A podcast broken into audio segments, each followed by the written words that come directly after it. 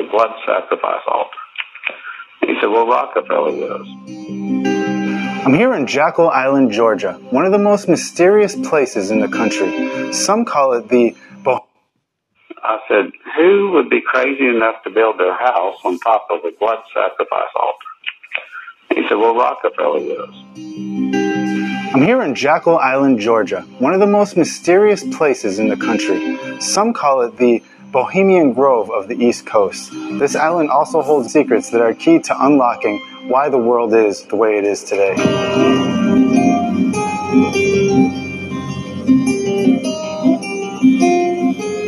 Behind me is a place called Indian Mound, which is actually home to the Rockefellers, and I'm here investigating a mystery that most people have never heard before.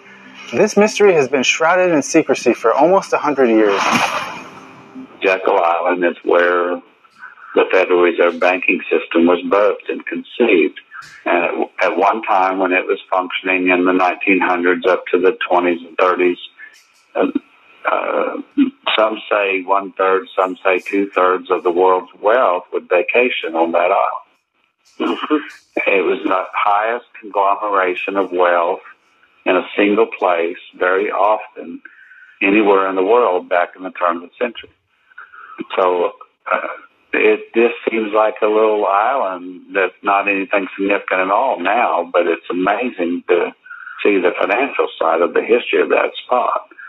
And so I, I'm sitting there looking at some of the the things that he's telling, and just thinking about some of the things he's telling me. We went out, walked around, and he showed me some of the cottages that had been restored, and the the club itself, and the the rack, the tennis courts, and you know, the, they had a pier where the boats would come up and he's just kind of showing me the grounds and then we go to the museum.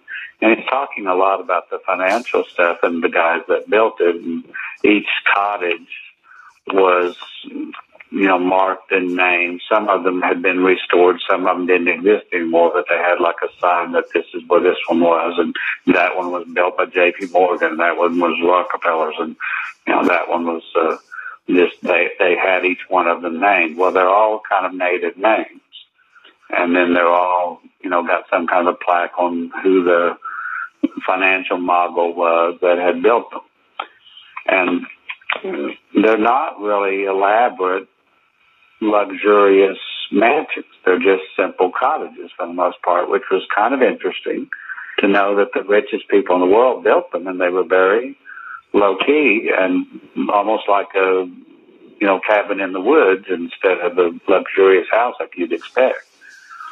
And they all had Indian names, so I started asking him about the Indian history of the island, and he lit up. He just was like, that's what he really wanted to talk about because he loved the Indian history. And so he uh, he, he takes me back to the museum and he said, we got a lot of stuff on the Indians. He said, this was a, actually a, like the uh, government, um, main, uh, main community for a tribe of Indians that don't exist anymore. That tribe was called the Timucuas. And I said, well, that's interesting. My name's Tim. and, uh, anyway, I didn't know anything about the Timucuas. I'm from Oklahoma. I, I've learned a lot of native history and I have some native bloodline, but I did not know anything about the Timucuas. Um, so I just asked him, please tell me everything that you can tell me about them. I want to, there's something about the natives that I feel like I need to know. So, um, he said, well, the Jekyll Island Club was actually built on top of everything that the Indians had. So they just kind of wiped the village out and built a club on top of it. So wherever the chief's house was, there was a cottage now. Wherever the council house was, there was now the Jekyll Island Hotel. You know? And he said everything that's built and visible today was is actually sitting right on top of something that was significant in the Indian village when it existed. So he said the fact that this whole place had to go into ruins and then be rebuilt and become an archaeological state park, he said it's actually helped us identify the native history because the club itself had almost erased that. You know? hmm. And so I said, well, you know, let's look at the museum. I want to see some of the Indian stuff. So we're looking at arrowheads and spear tips and you know, just artifacts that they had found and pottery shards and things and seashells that they had had. And he showed me all their stuff in the museum. Um, he, he shows me some fragments of a weapon that was like an unusual bow. And when I say unusual, I mean that it was a, a like a double curved bow. And that was a very unusual shape of the bow for a native tribe. I had never seen that shape before with an American Indian tribe. And I've seen a lot of bows and arrows. So I asked him, I said, this seems unusual. I've not seen this before. In Oklahoma, every native tribe, the bows would look like a single bow or, just a, a single curve. I said, this is quite extraordinary, especially as far back as this tribe was. So um, he said, yeah, we found a lot of weapon type artifacts that we, we've not seen with other tribes. And I said, well, how do you know these were Native Americans? Maybe they were from somewhere else.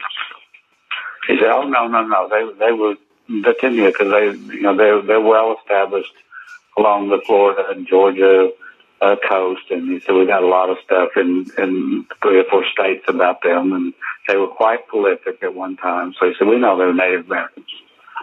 I said, well, all right, what else you got? He said, well, we got some skeletons. He said, you want to see the, the bones? And I said, well, yeah. You know, that sounds, you don't get to see a skeleton very often. I said, are they where we can actually see them or are they buried? He said, no, they're visible. So they had a burial site that they had been very respectful for when they built the museum. When they found a burial site, they didn't move the bones. They left them where they were.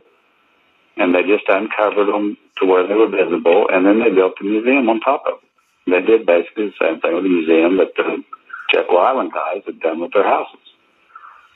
They put a piece of plexiglass over the burial site so you could see it, but they were still trying to respect where the bones were and not move them. And so I'm looking at four skeletons of the Timucua chiefs. And uh, they knew they were chiefs just from different things that were buried with them.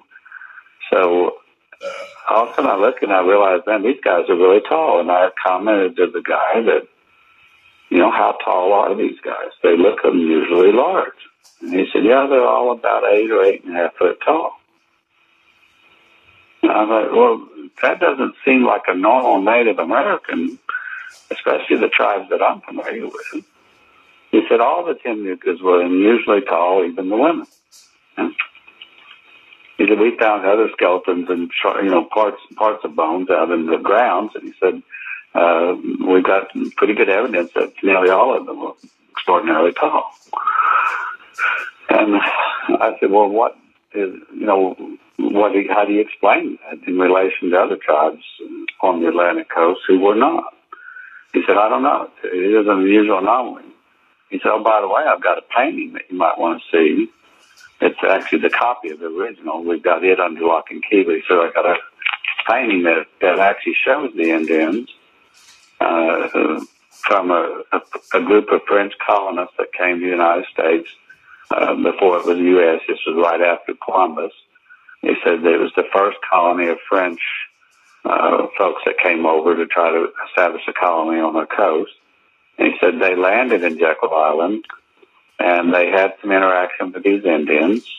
And then they got so uh, appalled by what they saw and witnessed that they fled at night and ended up in San Augustine, Florida, and established that city.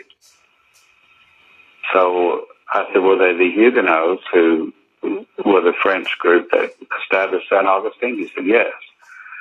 I said, well, I'd like to see that painting. So he pulled that out.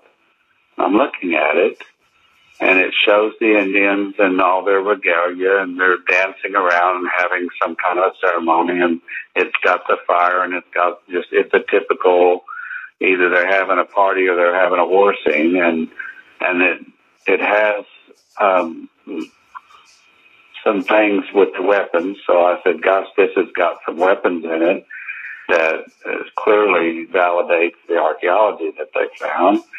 And then I see an altar. And I'm going, I don't know of a Native American tribe anywhere in the country I know some that had log houses or high places or worshipped, you know, nature in some way or had totem poles or that kind of stuff. But this one has a stone altar and it looks a whole lot like the one that I had dealt with in the Middle East. And I'm looking at the picture and I'm going, is this an altar? Is this stone like something they're sacrificing on? Because this guy's holding babies in his hands in this picture. He said, yeah, they're cutting those babies, they're hacking those babies up in that painting. So what, when you look at the detail, two of the shamans or chiefs are holding a baby up by the ankles and they're whacking their heads off and spilling the blood on this altar. Mm. And I'm like, sir, I, I don't want to be disrespectful of your training and archaeological understanding and history, but I don't know of any native tribe that did what I'm seeing here, unless it was a, an act of war. And this is really, really unusual. And I've seen this type of scene with artifacts over in the Middle East. And I've seen weapons like this over in the Middle East. I said, Are you sure this is Native Americans and not some kind of colony that came from over there? And he, he was convinced they were native. And I said, well, I'd like to show you some things on a few websites that identify artifacts in the, in the Middle East countries and especially Egypt and Israel and Syria and Jordan area and some of those spots where there's some of these ancient groups. And I said, these, this type of altar, this type of religious ceremony, and some of these weapons, I've seen them before over there. Well, he was quite interested in that because he loves Native American history, but he's starting to question, now maybe I need to dig into this more. That's, that was his comment. So I said, at that point, then I thought, I believe this is why I'm here. I needed, I needed to see this and, and hear about this. Um, you know, at this point, I'm not that concerned about the financial stuff anymore. I'm wanting to know where is this altar? And so I asked him, I said, can you, can I, can you take me to this altar? Uh, I often pray over these things and it's very beneficial for the land and for the country and for the people. Can, can I go to this altar and see it? He said, I can take you to the altar, but you can't see it. And I said, why can't I see it? Is it buried? He said, no, no, it's not buried, but it has a house built on top of it. I said, who would be crazy enough to build their house on top of a blood sacrifice altar? he said, well, Rockefeller was. you know, I just, like, okay, uh, can we go there? And he said, yeah, it's just a short walk. Come on. And we've actually, you know, had already walked by it. So he said, uh, I've got the keys. He said, normally nobody can go in. Um, they, the, the way these things are set up, they're historical homes now. The state of Georgia owns the park. Uh, they lease out another group, the hotel, to run, but the houses are maintained on the National Historical Register, and they're part of the state park. So you can't go in any of them without a guided tour or permission, but you can go look in the windows and walk on the porches and walk all around them. And they're, they're set up inside just like they were when they were actually being used in the, back in the 20s and, and earlier. So uh, we, we go over there and he's got the keys though. So we go into the house and he takes me into the parlor and he says, well, I know you're, you're a praying guy, so you probably would like to have a little time to pray. He said, you're standing right on top of the altar right now. This is the room that is built on top of it. He said, I'm just going to go over here and sit down for a few minutes and read the newspaper, and I'll let you pray and do whatever you need to do.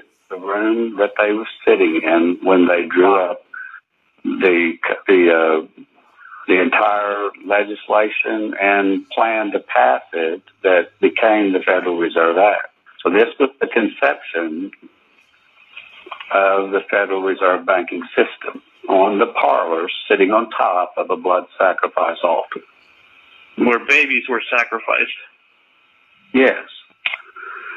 And So all of a sudden it's like, wow, no wonder our banking system has so much corruption in it, even when people want to do the right thing. The the idea that it was conceived like this, I'm going, this is not just a bunch of wealthy guys that got away for vacation and came up with a profitable business plan. This has got something diabolical, something occultic about it, something evil that's wrapped up with it.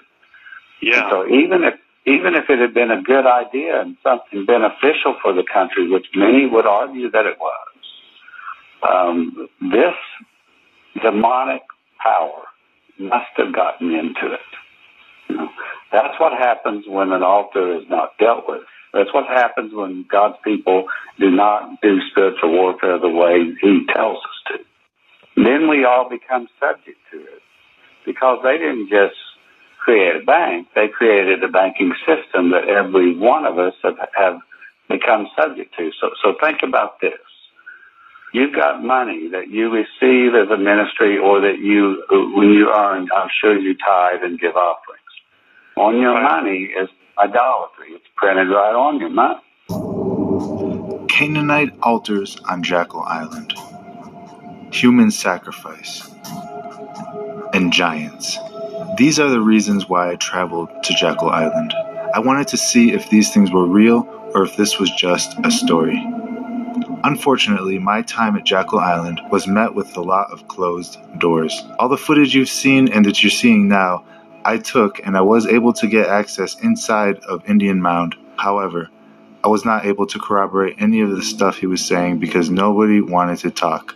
Everybody I asked about this had no idea what I was talking about. So, I guess this investigation remains inconclusive. Did JP Morgan and the Rockefellers actually come up with the idea for the Federal Reserve while sitting on top of a sacrificial altar? Who knows? But if true, it would make a lot of sense.